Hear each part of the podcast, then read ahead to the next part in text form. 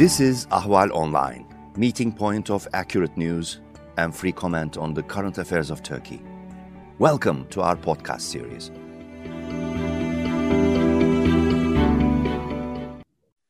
Welcome to the House of Wisdom, Ahval's podcast for book talks on the Middle East and more. My guest today is Noah Feldman. He is the Felix Frankfurter Professor of Law at Harvard Law School and the chairman of the Society of Fellows at Harvard. Professor Feldman is also a member of the American Academy of Arts and Sciences and a columnist for Bloomberg Opinion. His recent book, The Arab Winter, A Tragedy, asks noble questions about the most noble and painfully tragic series of events in which, for the first time in recent Middle Eastern history, Arabic speaking peoples took free collective political action as they sought to achieve self determination. Professor Feldman, it's a pleasure to have you at the House of Wisdom. It's a pleasure to be here. I truly admire your engaging style in writing, and that's especially impressive uh, as you invite the reader on deeply philosophical issues and you have been watching the region in the past two decades at least, and you took roles in drafting new constitutions in Iraq and Tunisia. Of course, you, your support for people's self determination is well known. So, can we start with your intellectual journey and tie it to the question why you wrote this book? Sure. Uh, thank you so much for having me. Um, it's an honor to be on any program that's uh, based on Beit al Hikmah. That's the that's an ideal for me. So uh, we'll try to I'll try to provide as much wisdom as I can within my the limits of my capacities. For me, um, the journey that led to the writing of this book really started when I was an undergraduate and then in graduate school uh, when I studied Islamic political philosophy, and that's what I did as the subject of my dissertation in Oxford. And from the beginning of my academic career, I started focusing on constitutions and I was deeply interested in the interplay between constitutional thought in the classical Islamic sense and constitutional thought as it's developed in the contemporary world with its own set of trajectories and traditions. Um, both the Islamic constitutional tradition and the contemporary Western constitutional tradition were influenced by Aristotle and were influenced by different aspects of philosophical tradition. And in that sense, um, in that sense, they have some things in common. Uh, furthermore, contemporary constitution writing in countries that are majority Muslim often includes drawing on concepts of constitutionalism that have become universal, that are shared throughout the world. And uh, because of my interest in these issues, at the very beginning of my career, I had the chance to work as an advisor first for the coalition in Iraq and then directly for the Iraqi members of the so called governing council who produced the interim constitution, the transitional administrative law in Iraq. And in particular, I was fascinated by their debates over the relationship between Islam and democracy, which was a topic that was very close to my heart and on which I ended up writing my first book. Subsequently, I wrote another book after that Iraq experience on what had happened in Iraq, and then a book beyond that on Islam and democracy that was called um, The Fall and Rise of the Islamic State and was interested in the ways that contemporary Islamists, especially those in the broader community of thinkers in and around the Muslim Brotherhood, thought about the relationship between Islam and democracy at that particular moment in time, that is, in the, in the first decade of the 2000s. Then came the Arab Spring. And the Arab Spring events in 2011 were utterly fascinating to me because for the first time, they gave an opportunity to people, at least in Arabic speaking countries, since the Arab, Arab Spring was interestingly mostly confined to Arabic speaking countries. It didn't really spread to non Arab, majority Muslim Middle Eastern countries. Um, but countries, in, several countries in that situation, have found themselves self consciously starting from scratch and trying to figure out what kinds of constitutions they should build. And as I had argued in earlier work, all the way back to 2003, in initial elections, and this happened in Egypt and it happened in Tunisia most prominently, in initial elections, Islamic Democrats, people who called themselves Islamic Democrats, loosely associated in some cases with the Brotherhood and in some cases pretty closely associated with the Muslim Brotherhood, had a big first mover advantage, and they won either majorities or pluralities in newly forming governments. And they played a central role, in certain ways, the most important role, in the shaping of new constitutions that were being produced. And to me, that was utterly fascinating because, among other things, it's what I had been predicting would happen, but I thought would go a lot better when Arabs could do this for themselves through self determination, rather than as had been tried, for example, in Iraq, where because of the primarily Shia nature of the majority of the population, it wasn't the Muslim Brotherhood, um, but the parties that were uh, pushing Islamic democracy were, in some ways, intellectually akin to the Brotherhood, even though they were not part of the Brotherhood. But there, of course, everything was happening in the aftermath of a US occupation, and a US occupation that, as we all know, was disastrous um, and left Iraq in a position of civil war. And in the history of the world, no country has ever managed to produce a functioning democratic constitution in the middle of a civil war. I would like to say that it could be done, but I think the evidence is that it can't be done. And so it was very exciting to think that now countries would get to do this for themselves in a genuine act of self determination. Um, whereas what happened in Iraq had some elements of self determination for Iraqis, but in the end, Iraqis hadn't chosen to have Saddam be taken out by the US occupation. They hadn't chosen the, chosen the model of the occupation. So, in some sense, their self determination was highly constrained and highly limited. So, I watched with fascination and then traveled to Tunisia to be uh, one of many advisors on the constitutional process there and learned a huge amount uh, from watching Tunisians work to compromise with each other and reach a, compared to other countries in the region, excellent outcome. Um, it's not that Tunisia is a perfect constitutional democracy by any stretch of the imagination. It has ongoing challenges um, that are meaningful and real, but it has had alterations of power repeatedly now. And a decade after the Arab Spring, it has a functional constitutional democracy, at least for now. And that's an extraordinary accomplishment. Meanwhile, in Egypt, things didn't go so well. The Brotherhood government tried to draft a constitution, did draft the constitution, got it ratified uh, in a public vote, which a lot of people didn't participate in. And shortly thereafter, that government was overthrown by the military with substantial public support. And that's one thing we can talk about, just how much public support there was. And the upshot was to cast Egypt and Egyptians back into an undemocratic authoritarian regime that's in certain ways more restrictive of their freedoms even than the government that came before it.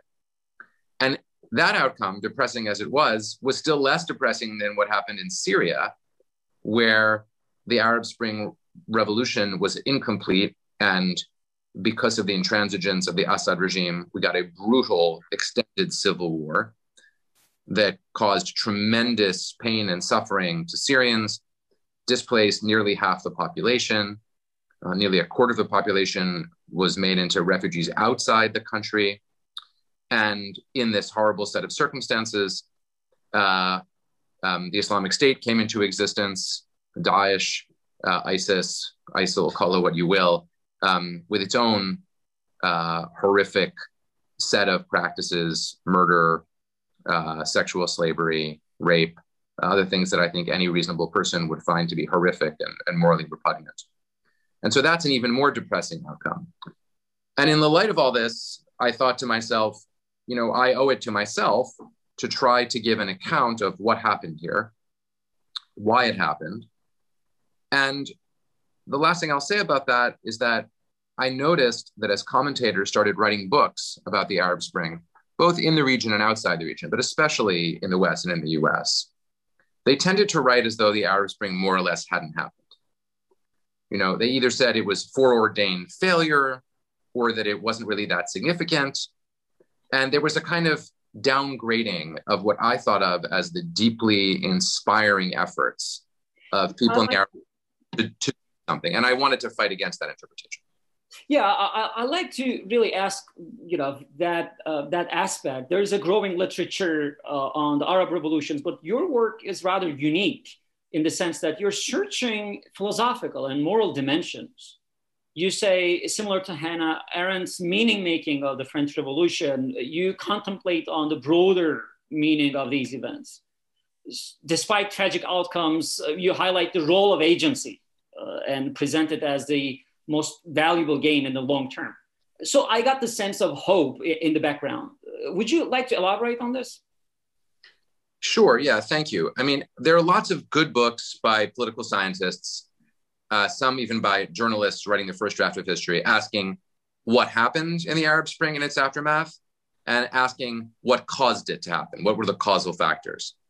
And I didn't want to write another one of those books. So instead, I wrote a book that's focused on what did it mean? What did the events mean? And that means what human narratives are put onto these events by the participants and by the rest of us who either participated in some peripheral way or watched on television or tried to make sense of it. And so that's the question that I focus on in the book. What did it all mean? And in doing so, as you say, I'm very, very drawn by the idea that I associate with the philosopher Hannah Arendt that there's a powerful human desire shared by people all over the world, no, where, no matter where they might be, to take charge of their fate, to take charge of their government, and to make the crucial decisions and determinations for themselves.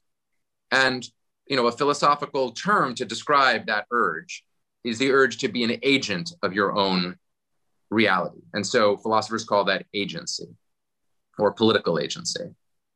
And there is something hopeful about that agency to me, even where, with all of the exercise of agency, people end up creating a situation that's worse than it was before, because it's noble in my mind and enriching to the human condition to try to take over, to try to make a better future for your children, to try to govern yourself and not allow others to govern you, whether it's people from far away or whether it's people from up close. And so that does leave me hopeful about the human condition, even though in the book I try to be very clear about what went wrong and the disasters that followed from the Arab Spring. I think it is still possible to say this was the first time in recent history that people in the Arab world fully took charge of their own lives, for better or for worse. They were the agents of their own fate to a remarkable degree. I, can never forget that I was teaching a course on revolutions, uh, revolutionary movements around the world uh, as the events were unfolding in Egypt. And we were having lively discussions with my students as you know, the literature tells us that revolutions always reflect no other way out. Psychology, when diverse groups of people uh, do not put much, thought about the day after uh, the revolution, as they feel that there, there is any, any alternative be- would be better than uh, the status quo. And of course, in most cases, revolutions are followed an era of chaos in which violence is escalated, and there may be a second revolution um, either to consolidate the revolutionary regime or as a counter-revolution. So looking at the academic literature uh, in sociology and political science, uh, for me, the literature proved to, to, be right on the Egyptian case. Uh, what do you think? In certain ways, I think the literature did have a lot to contribute. I don't know if Egyptians genuinely thought they had no other option. But there is part of the literature on revolutions that says that sometimes revolutions emerge when people are actually doing a little bit better than they were doing in the past. You know, if you're really the poorest of the poor and you're ground down by that poverty, you may not even have the capacity to imagine a revolution. Similarly, if you're ruled by a regime that is so relentlessly brutal and authoritarian that you have no room to breathe, it may be impossible to overcome the collective action problem that is needed to start a revolution. So I think the conditions for revolution in Egypt were understandable in terms of the literature. I think that it is true that part of what happened in Egypt can be explained by the academic literature, but part is harder to explain. And I'll tell you what I have in mind. This was an unusual revolution um, in, in Egypt because the people who brought it about were very unhappy with the Mubarak regime. That was very clear you know, they chanted enough and they chanted, you know, get out. And they had a general sense of what they wanted. They, they were chanting in favor of uh, social justice and they were chanting in favor of freedom.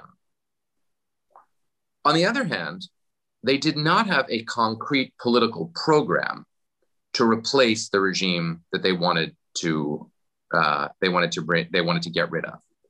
They were not socialists ideologically committed to socialism. They were not communists committed to communism. They were not um, Islamists of a non democratic sort, uh, like some of those who made the revolution in Iran, who were committed to an Islamic form of government.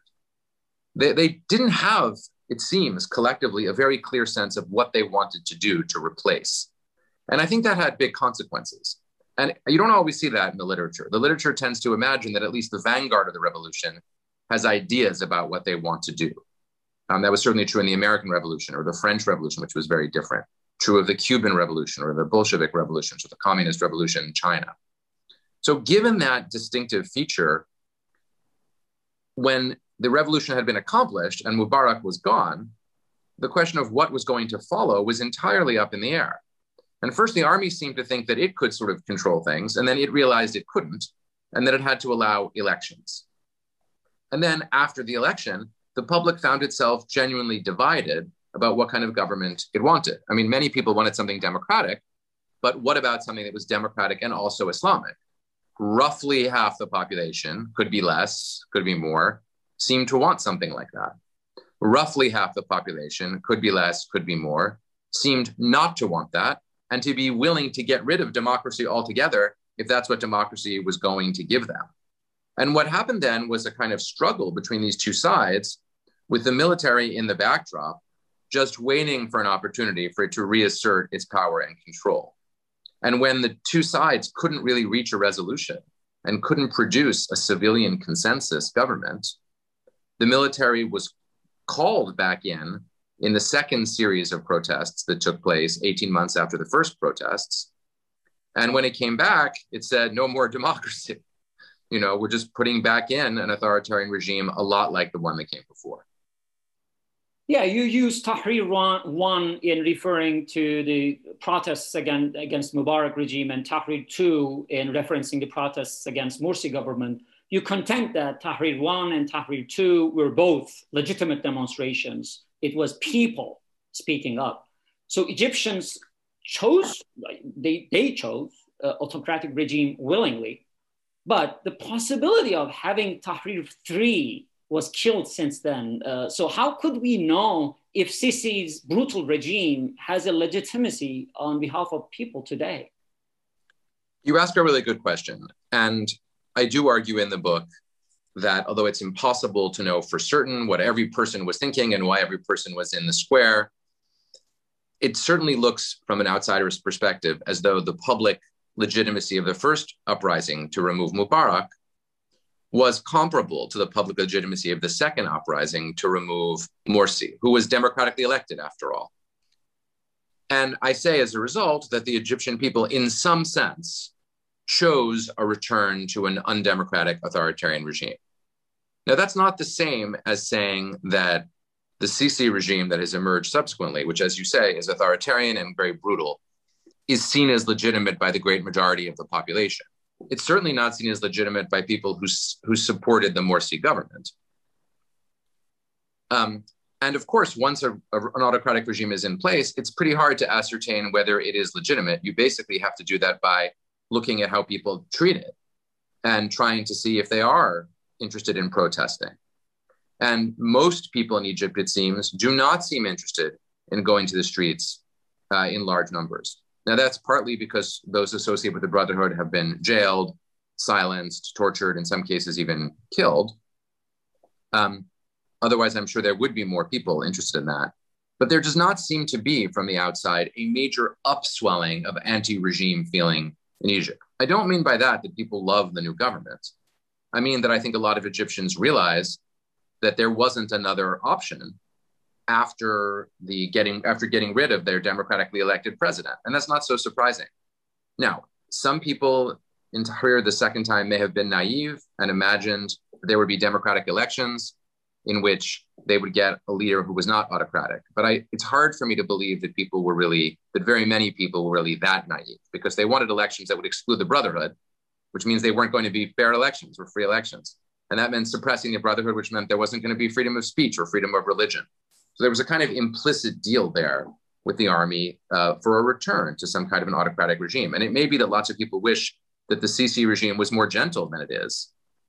But of course, regimes that have to deal with the suppression of large groups of people are never gentle. It's not practically possible for them to be. So again, that didn't seem practically possible. So I guess the argument that I would make is not that this regime is, is so great. I don't think it is. I think it's terrible. Or that it's legitimate in some absolute sense, but rather that it is the logical result of what some very substantial number of the Egyptian people seemed to want. And now they have it. And they're not going to be able to change it in the very short term. That said, if millions of people went into the streets, that would mark a major challenge to this regime. And it might have to kill people to send them back home. But if people were angry enough, they still could do that. And they're not doing that. And they haven't done that. And that's some indicator of the de facto legitimacy of Sisi's government. You mentioned how Ghannouchi of Tunisia was advising Morsi government to seek a broader consensus do we know if Turkish government had the opposite advice to Morsi at the same time? That's a really good question, and I have not read anything um, definitive that answers that question. Um, you know, the, the government in Turkey was in constant conversation, both with the Tunisian Islamists, of whom Rashid Ghannouchi, Sheikh Rashid Ghannouchi was the, uh, the leader, which took a very different tack than the Egyptians, which compromised. In Tunisia, they Tunisia they they compromised uh, with uh, the both left and right, um, and the Turkish government was also in constant contact with Morsi. Um, I don't know exactly what their advice was, but I think the Turkish government badly wanted both of these governments to succeed, and I think that probably behind closed doors, many on the Turkish side thought that compromise would be necessary to reach success. That said, the big problem faced by the Morsi government, and I'm sure that the um, the Turkish uh, AK Party, a Justice and Development Party, which is a kind of compromise centrist Islamic party, understood this too, was that they there were genuine enemies of the Morsi government. They had genuine enemies.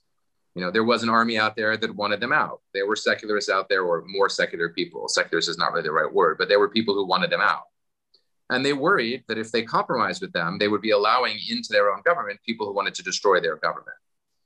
But I think their mistake was in thinking that as a consequence, they shouldn't compromise. Because in constitutional democracy, if you just have 50% of the people behind you, or 50% plus one, that's not enough to form a new constitutional order. It might be enough to have to control the government in a parliamentary system where you already have a functioning, stable constitution. But to create a constitution requires a supermajority, a large number of people in the population, and they knew they didn't have that. And so they should have compromised. Um, and I don't think it's appropriate to blame Turkey or not to blame Turkey. We just don't know enough about what advice they were getting from, from Ankara and Istanbul. Right. And I, would like to follow up on this uh, constitutional constitution making with broader consensus. You say the Egyptian experience killed the hope for a liberal Islamic constitution for a foreseeable future. You find Tunisian experience uh, for a negotiable future very important. Can the Tunisian success uh, be a role model for other nations or not? I do think in certain ways it's possible. So, I mean, the first thing I should say is when you speak to especially to Arabs from all over the region who are not from Tunisia, and you ask them about Tunisia as a model, they often laugh and say, "It's no way. It's too small. It's too distinctive. It's not a model." But then I remind them that the Arab Spring started in Tunisia, and so Tunisia was a model for countries to have, you know, the Arab Spring uprisings, which occurred in many places. So it's actually not impossible in principle. Um, it helped Tunisia that it was small it helped Tunisia that Tunisia is relatively homogeneous, or at least thought the Tunisians think of themselves as relatively homogeneous. They do have non-Arab citizens of uh, Amazigh or Berber um, uh, extraction, but most of those think of themselves just as Tunisian, and in many cases even think of themselves as Arab. They may be Arabized to a certain degree. So it helped Tunisia that it was not as diverse in terms of language, geography, ethnicity, or denomination as many other Arab countries. So those were helpful. It also really helped Tunisia that it had a poli- political elite that really believed in consensus and compromise, and that um, the governments that it had had before, that of uh, Bourguiba and that of Ben Ali, um, had promoted the idea that Tunisians were consensus people. You know, this is what you call political culture. It's people's belief about themselves. So if you spoke to Tunisian political elites or even people on the street, they would say, we're the kind of people who like to compromise. Sort of in the way that in Iraq, if you ask people about their political culture, they say, we're the kind of people who don't like to compromise. You know, we're people who like to fight each other. We get, we get really angry at each other. Now, scientifically, can you prove that these political cultures exist? No, but they matter with respect to how people perceive themselves. So that helped in Tunisia as well. And it also helped Tunisia that Tunisia did not have a major international ally capable of putting a lot of pressure on it. Um, of course, Tunisia is close to France geographically, and France influences it, but the French did not have the kind of day-to-day influence in this process um, that would have made them an outside force to make to be determinative. So Tunisians knew that if they if their process went awry, there was no one who was coming to help them. So they knew they were on their own, and knowing that they were on their own, they were more inclined, I think, to compromise. So all of those things helped them to compromise.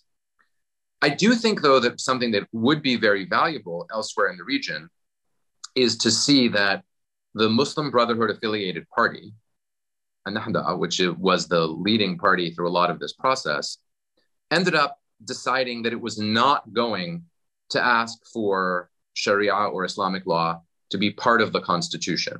Because when they talked about potentially doing that, there was so much opposition from such a large part of the population that they backed away from it. And eventually, that party morphed into a party that no longer calls itself an Islamic party. They say they're Muslim Democrats, which is a little more like the Euro- European model of a Christian Democrat. That is to say, they're basically committed to democracy. And it so happens that their religion is Islam. Now, they assured that under the Tunisian constitution, that's allowed. They're allowed to be a party that believes in Islam, but they're not any longer a party that's advocating for the transformation of the state on the basis of religion. There might be individual members who believe that the society should be transformed by more people being committed to religion, but the state is not going to play the central role in doing that. It was a major concession made by the members of that party, and it really helped normalize religious politics. And had the Brotherhood done something similar in Egypt, I think it would have made an enormous difference. Now, could they have gotten away with it with respect to their own members? That would have been very difficult, but perhaps not impossible. It was a very difficult thing in Tunisia, but the leadership was powerful enough. Sheikh Rashid himself was powerful enough to say to his followers, listen, we're going to compromise on this at a fundamental level so as to continue to have a role in politics. And in so doing, we are not compromising on our core component, our core commitment to Islam. And I like to ask a question about the Syrian case. Uh, you depict the Syrian case as structurally doomed to fail from the beginning, as a minority group was ruling over uh, over the majority, and the state was operating as a police state uh, that kills civil society or any voice of dissent. I, I like to ask you about the moral dilemma uh, that Syrians face if or when to revolt against a tyrant. As you know, this is also a dilemma that has also been a heated debate uh, among Muslim clerics. Uh, for Sunni majority, risk of having having chaos or strife has made them sided with the ruler in most cases. What are your thoughts on this?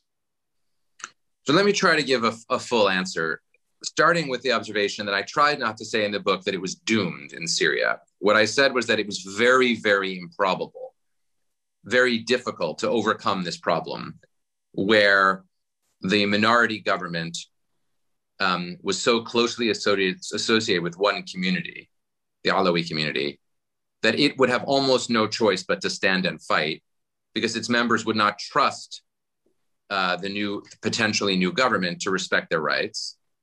And also, once that government began to use violence and force, it was going to alienate the general public. So oh, I don't say that it was impossible, just that it was very, very difficult. That said, I think that's secondary to your, your core ethical question, which is under what circumstances is it appropriate to rise up against an unjust government, knowing that there's a substantial risk of producing civil war, division, and as a consequence, a lot of pain and death. Now, I think that the classical Sunni Islamic tradition on this question is actually more subtle than it's sometimes depicted as being.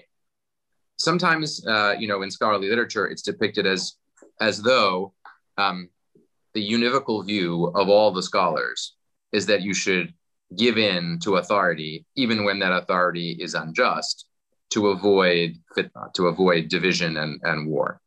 But I think if you read the classical sources carefully, it's often a little bit more subtle than that. And it often takes the form of saying that where the ruler has not gone so far to illegitimacy as to violate the core principles of the faith, the ruler can legitimately be followed. But that when a ruler does go that far, it is possible to support alternatives. And in my earlier book, um, Fall and Rise of the Islamic State, I made a specific argument about how this worked in the medieval period. And not every scholar agrees with my argument, but I'll just tell you the argument anyway and explain how it fits in here. The argument I made is that the power of the scholars to push the ruler to follow the rule of law did not come from the fact that the scholars could stir up a revolution. They probably couldn't in realistic terms. What it came from was that there were always going to be challengers to any ruler, alternative rulers who said, I would like to be the ruler. And they might come from the same family or they might come from a, a different family. And those challengers, those potential challengers, knew that if the ruler was violating core principles of Islam, including the rule of law, that if they then rose up and took over, they would be likely to get the support of the scholars and the clerics. And the person who was currently ruling also knew that and knew that the best case scenario for him, and it was always him just about, was to say to the clerics, listen, I'm doing a good, good enough job. I'm following the rule of law. I'm legitimate. So please tell the public that I am the legitimate ruler and do not support other people who are challenging me. And in that sense, the scholars and the clerics had an influence in pushing the existing rulers to adhere to the rule of law. It wasn't a perfect influence any more than the courts in any country can force the executive branch uh, or the legislature to follow the rule of law completely. They can't. Scholars and clerics are like judges. You know, they don't have any armies. Nobody follows their orders in an immediate way, but they contribute to the legitimacy of the of the rule that exists. And if the rule is illegitimate, they will find a way to cast their support behind somebody else. And I think so. I think similarly about the question of the decision whether to rise up. You know, if you're living under horrific, unjust circumstances of government, there can be an incentive to try to produce something better if you think there is a possibility of consolidating some new form of government. And I think for those who rose up in the Arab Spring in Syria, there was a way to get there, but that way would have required getting help from outside the country to remove Assad. And they got some help, you know, they got help from some regional actors. They got some help from Turkey. They got some help from Saudi Arabia. They got some help from the US and the other Western countries. They just didn't get enough help um, to get them over the hump and actually displace Assad. And even then, Assad himself would not have survived if it were not for the help that he ended up getting, partly from Iran, um, but then most definitively from Russia when Vladimir Putin decided to intervene in the conflict great insights. Your book does not have a chapter on Turkey, uh, but I'm wondering if we can consider the fall of Turkish model uh, as one of the tragic outcomes of the Arab Spring as well, uh, or Arab Winter. Uh, dramatically, Erdogan has effectively undone uh, an earlier Erdogan who initially collaborated with liberals, Kurds, minorities uh, to make advances against Turkey's powerful generals who long enjoyed a culture of impunity. And, iron- ironically, then he later erased his party's liberal legacy by making alliances with his old enemies within the deep state in exchange of one man rule, uh, he saw. Of course, such alliances somehow doomed to fail, as these old enemies and new friends of Erdogan do not wish a dictatorship, but instead they have been using uh, Erdogan against his liberal coalition. So they are getting their feet back into, into the game institutionally and counting on post Erdogan era.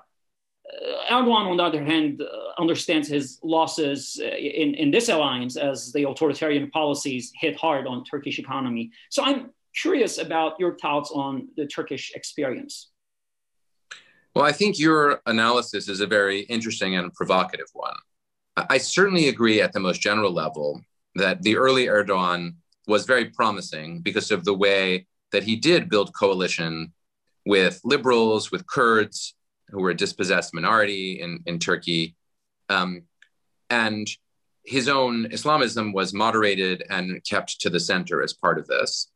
And he behaved early in his career as a Democrat, maybe not a fully liberal Democrat, but as a Democrat who was interested in make alli- making alliances with liberalism and whose resistance to the institutions of the state was mostly resistance to the most undemocratic institutions of the Turkish state, including the military, um, which thought, thought of itself as the protector of liberalism or secularism, but was in fact not very democratic, and the constitutional court, which um, to some degree felt a need to enforce the radical secularism of some parts of the Turkish constitution, and therefore was also in a way anti democratic. And then it all fell down over time as Erdogan managed to maintain his hold on power, but sold out his commitment to liberalism and became more and more authoritarian and less and less democratic, and certainly much less liberal, and survived um, at least one apparently actual coup attempt uh, and various other conspiracies that may or may not have existed in the form that, that the courts have claimed that they did. Um, and you know that's a tragic story. It's a tragic story of the failure of a movement that I saw in 2003 when I first wrote about this as potentially Islamic democratic. I guess, though, I don't think that the failures of the Arab Spring are the cause of this process. I think this process happened internal to Turkey and internal to Erdogan's own political judgments over time. It so happens that at the moment when his alliance with the Arab Spring Islamists, Islamic Democrats, could have been helpful to them if he had pushed them to compromise and be democratic. That's not what happened. He did not seem to prove a useful, you know, help for for them. Um, but I don't think that their failures, and they were real in the case of Egypt, were the cause of Erdogan's failures. You know, they and I also also don't think they were fully the effect of Erdogan's failures, but they did happen in parallel, and in some degree, they did happen in conjunction. So, what happened in what's happened in Turkey and what happened to Erdogan is tragic to me, um, but I think it's its own tragedy um, that occurred on its own much longer trajectory. And by the way, that is not over. I mean, Erdogan may be in certain respects weaker than he's been, but he's still in power. Um, he still survived electoral challenges relatively easily. And right now, although things can change at any moment, there's no strong reason to think that there's a credible alternative waiting in the wings in Turkey. I mean, it would be wonderful if there were, provided that alternative was democratic. Um, but right now, that's not immediately visible, at least not to me as a as a Turkey watcher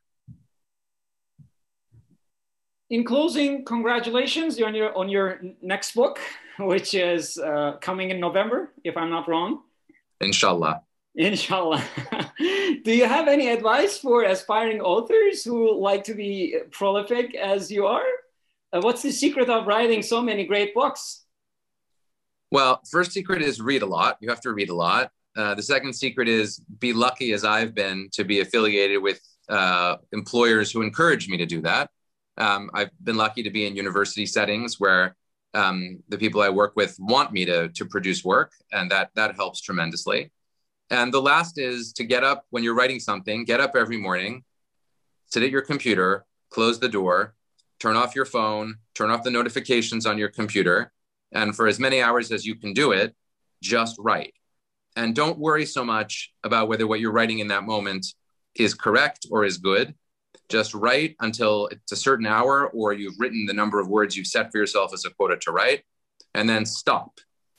Then the next day, do it again and do it again. And if you keep doing that, you'll get a rough draft. Then you can read the rough draft. And if it's not right, you can throw it out or you can make substantial edits or you can change things around. I often, my, my second draft bears no relationship to my first draft.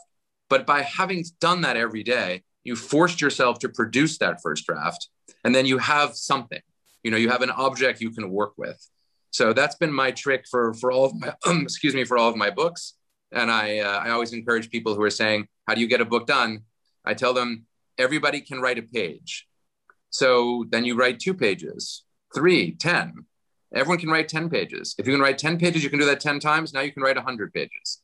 If you do that twice, you've written 200 pages. so it can be done. It's daunting, but you do it by doing it a little bit at a time. Wonderful. Yeah, I'll keep that in mind as I'm working on my second book. But these are great insights. Uh, Professor Feldman, thank you so much for joining me today. It's a great conversation and uh, it's a pleasure having you here. Thank you. Thank you so much for having me.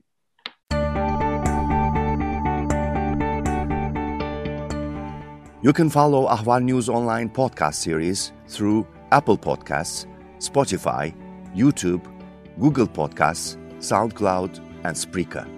All you need to know about Turkey is here for your ears, mind, and attention. Thank you for listening to our podcast.